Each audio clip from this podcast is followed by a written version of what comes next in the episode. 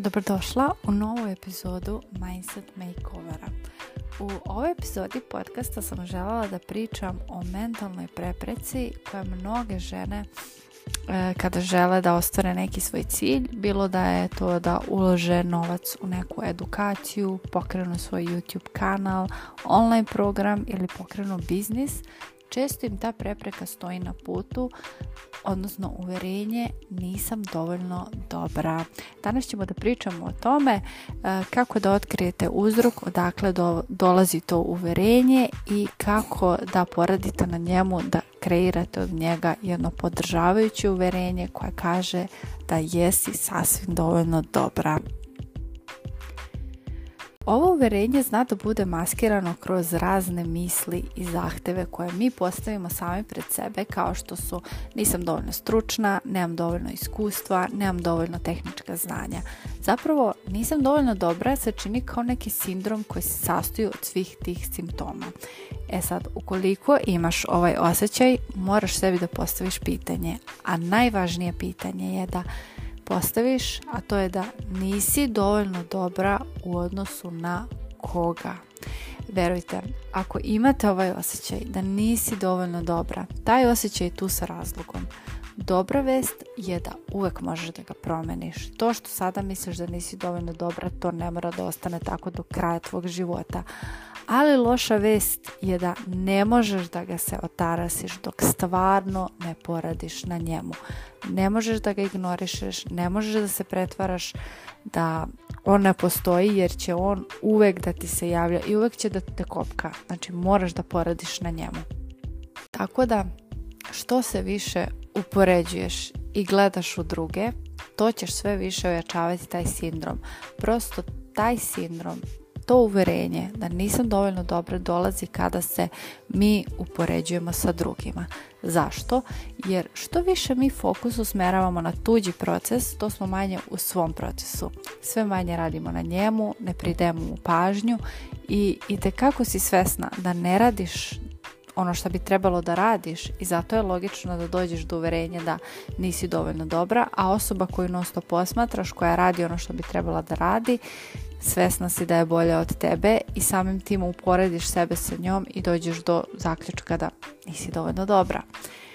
Kada se poredimo sa nekim ko je uspešan, uvijek ćemo sticati utisak da nismo dovoljno dobre, prosto jer nemamo čitavu sliku te osobe i uvid u ceo njen proces.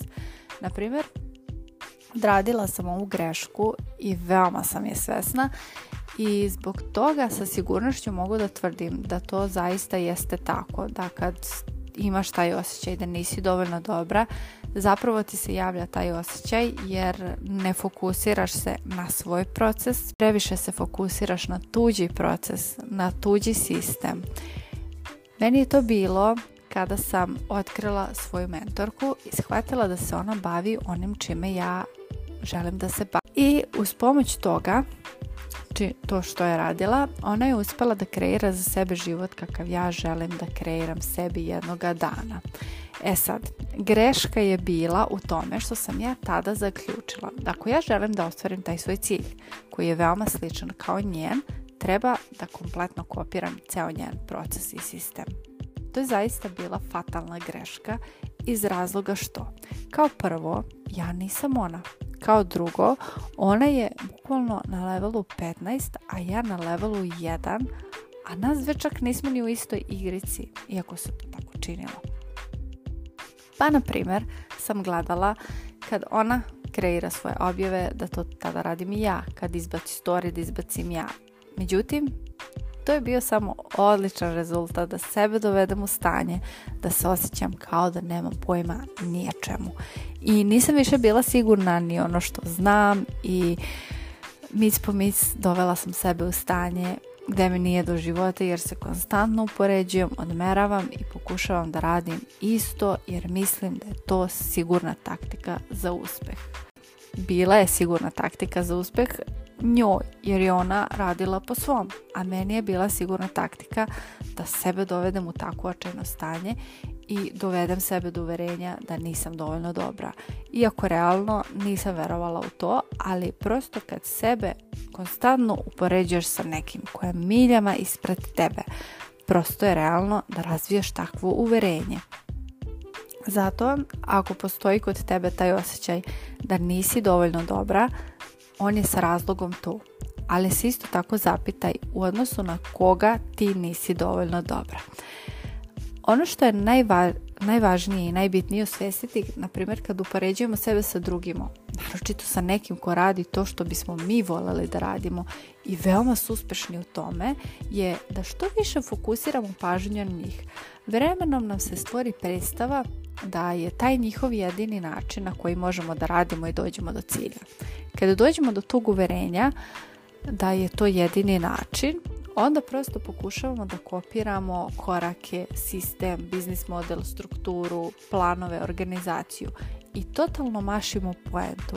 Ne samo da ne možemo da uhvatimo korak sa nekim koja je autentičan, radi po svom, Dakle, će ta osoba dolaziti do nekih novih ideja i ti ćeš se pitati kako se ti toga nisi setila, kako je moguće da to nisam videla, a ono totalno mi je logično, totalno u skladu sa mnom. Pa jeste, ali ti ne radiš po svom. Također, kad se totalno fokusiramo na nečiji proces, što više idemo u dubinu, mi stalno imamo osjećaj kao da postoji neka tajna njihovog uspeha koju nikako da kažu i pokušavamo da otkrijemo šta je to što nam ne govori. Što više istražujemo i pokušavamo da saznamo kako su došli do svog cilja koji i mi isti imamo i želimo da ostvarimo, šta, šta je to što ne vidimo, istina je da svi uspešni ljudi imaju tu tajnu svog uspeha i bukvalno ćemo je naći kod bilo koje osobe u bilo koje sferi, šta god da radi, ono što voli i radi to veoma uspešno, a ta njihova tajna je prosto da rade to što rade na svoj autentičan način. Fokusirani su na svoj proces, na svoje korake i nisu toliko fokusirani na tuđi rad. limitirajući uverenje koje zaista nam pomaže da ojačavamo kod sebe uverenje da nismo dovoljno dobri kada druge koristimo za poređenje i takmičenje. A sa druge strane, ono što treba da vežbamo je da izgradimo podržavajuće uverenje koje će da razbije to uverenje da mi nismo dovoljno dobri kad je reč o drugim ljudima, umesto ne da ih koristimo za poređenje, već da ih koristimo kao motivaciju i inspiraciju na način da su nam ti uspješni ljudi zapravo garancija da je moguće uspjeti ako si potpuno svoj i radiš to što voliš. Zato se zapitaj sa kim se najčešće porediš. Izdvoj jednu osobu i osvesti zašto se porediš baš sa njom. Šta te kod nje najviše inspiriše? šta je to što ona ima, a ti nemaš, ali bi toliko voljela da imaš. Negde najteža stvar je biti svoj. Jer smo mi kroz odrastanje učili i trudili se da sakrijemo sve ono što nas istinski čini svojim, najviše iz straha da to drugi neće prihvatiti ili da ako budemo potpuno svoji, negde ćemo druge povrediti. Često smo se bojali da iskažemo potpuno kompletno svoje istinsko mišljenje zato što smo strahovali da se drugima to neće dopasti, da će prestati da razgovaraju sa nama, da će ih uvrediti i onda uvijek biramo opciju da kažemo ono što će biti mnogo bolje za njih da čuju. I na taj način gušimo svoju autentičnost. Ali nam je to zaista bitno i potrebno da bismo uspjeli u bilo čemu. Prosto da bismo dostigli svoj cilj, mi moramo da kreiramo svoj proces do cilja. Na primjer, mnogo bolji način da sam ja iskoristila tu svoju mentorku kao motivaciju, kao inspiraciju i zapravo dokaz da je to moguće. Ona mi je trebala biti dokaz da je moguće da sa tim čime se baviš možeš da kreiraš život sebi kakav želiš i da sam ja sa tim dokazom otišla i radila po svom, na svoj način kako sam i počela, ja bih za te dve godine uradila mnogo više. Ovako sam samo sebe dovela u takva očajna stanja. Ali, na primjer, sada ja ne žalim zbog toga jer sam zapravo naučila jednu ogromnu lekciju, a to je da uspešne ljude, naročito one koji imaju uspeh kakav mi želimo, koristimo isključivo kao dokaz da nam je to moguće, ali da mi kreiramo sebi svoj put i proces do toga. Jer je taj put ne samo mnogo lakši, iskreniji, nego je mnogo zabavniji i mnogo kreativniji. I svoj cilj i uspjeh ćemo najbolje ostvariti kroz svoju autentičnost.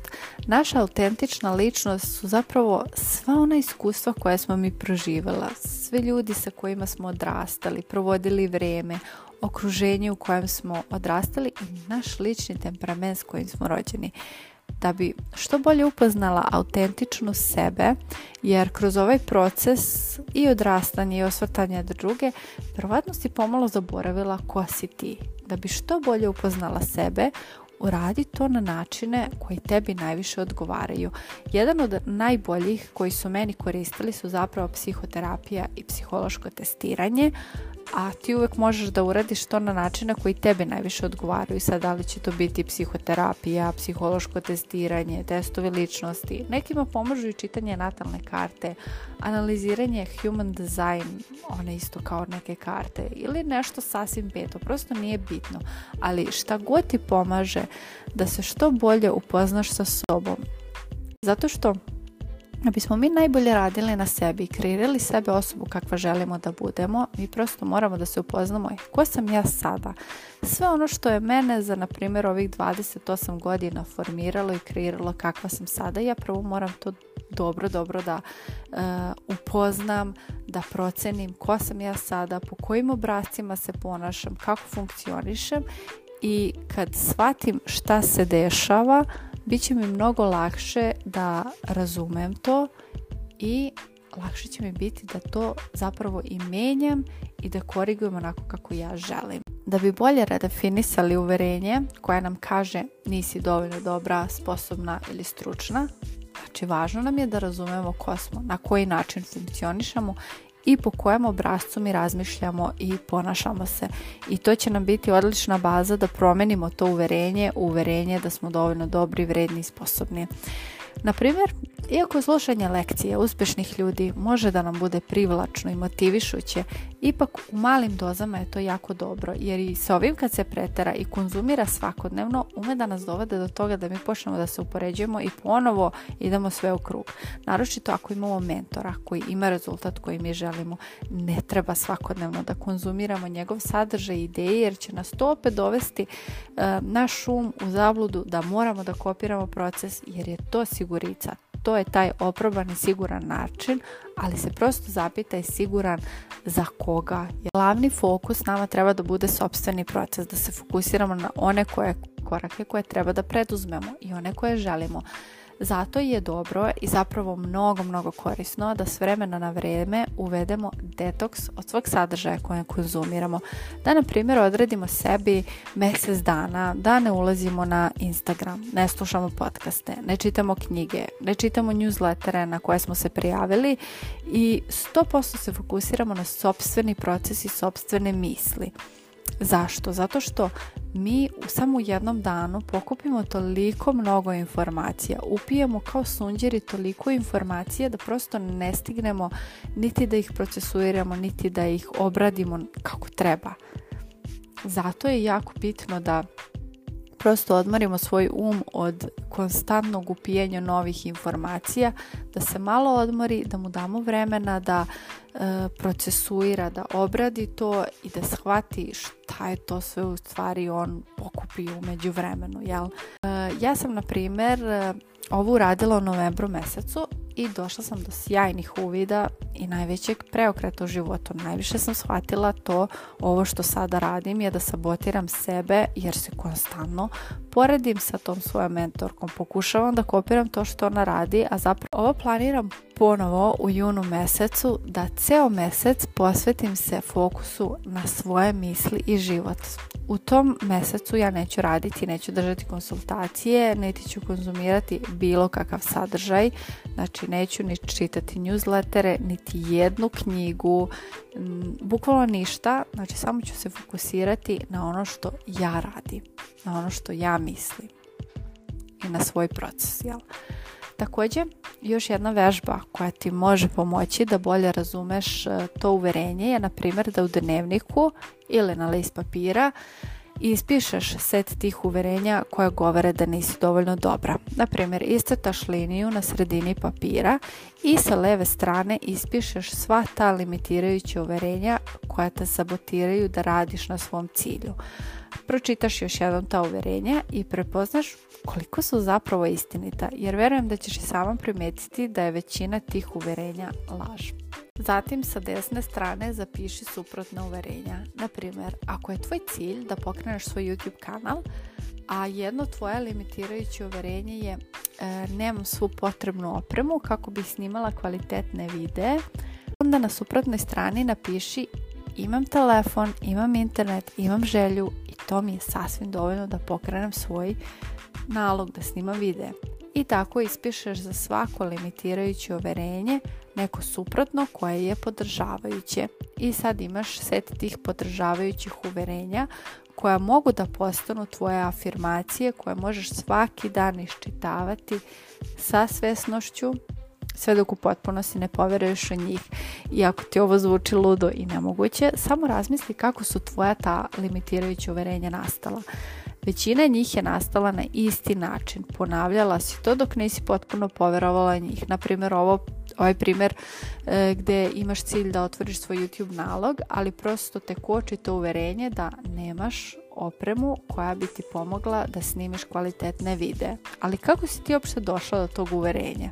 Tako što si posmatrala druge koji snimaju videe na YouTubeu i shvatila se da oni imaju uh, jako dobru kameru, imaju jako dobro kvalitetno okruženje i onda zaista uz pomoć toga mogu da snimaju veoma dobre videe, ali to je tvoj mozak zaključio da je to ono što ti treba da bi ti snimala video, ali to ne znači da je to istina. To ne znači da ti sada možeš uzeti svoj telefon i snimati video ako kaže da mora tako. Također iskustva koja su povezana sa uverenjima su doprinala da se ono programira u naš um kao istina u kojoj verujemo da je to zaista tako i nije. Naprimjer, ako si mnogo puta donela neku odluku i nisi ostala dosladna u njoj, ti si kreirala uverenje da nisi sposobna da ostaneš dosljedna svojim odlukama, ali to prosto ne mora da ostane tako ceo život i da se zbog tih prošlih iskustava ti plašiš da doneseš bilo koju odluku jer veruješ da i dalje nećeš biti dosadna.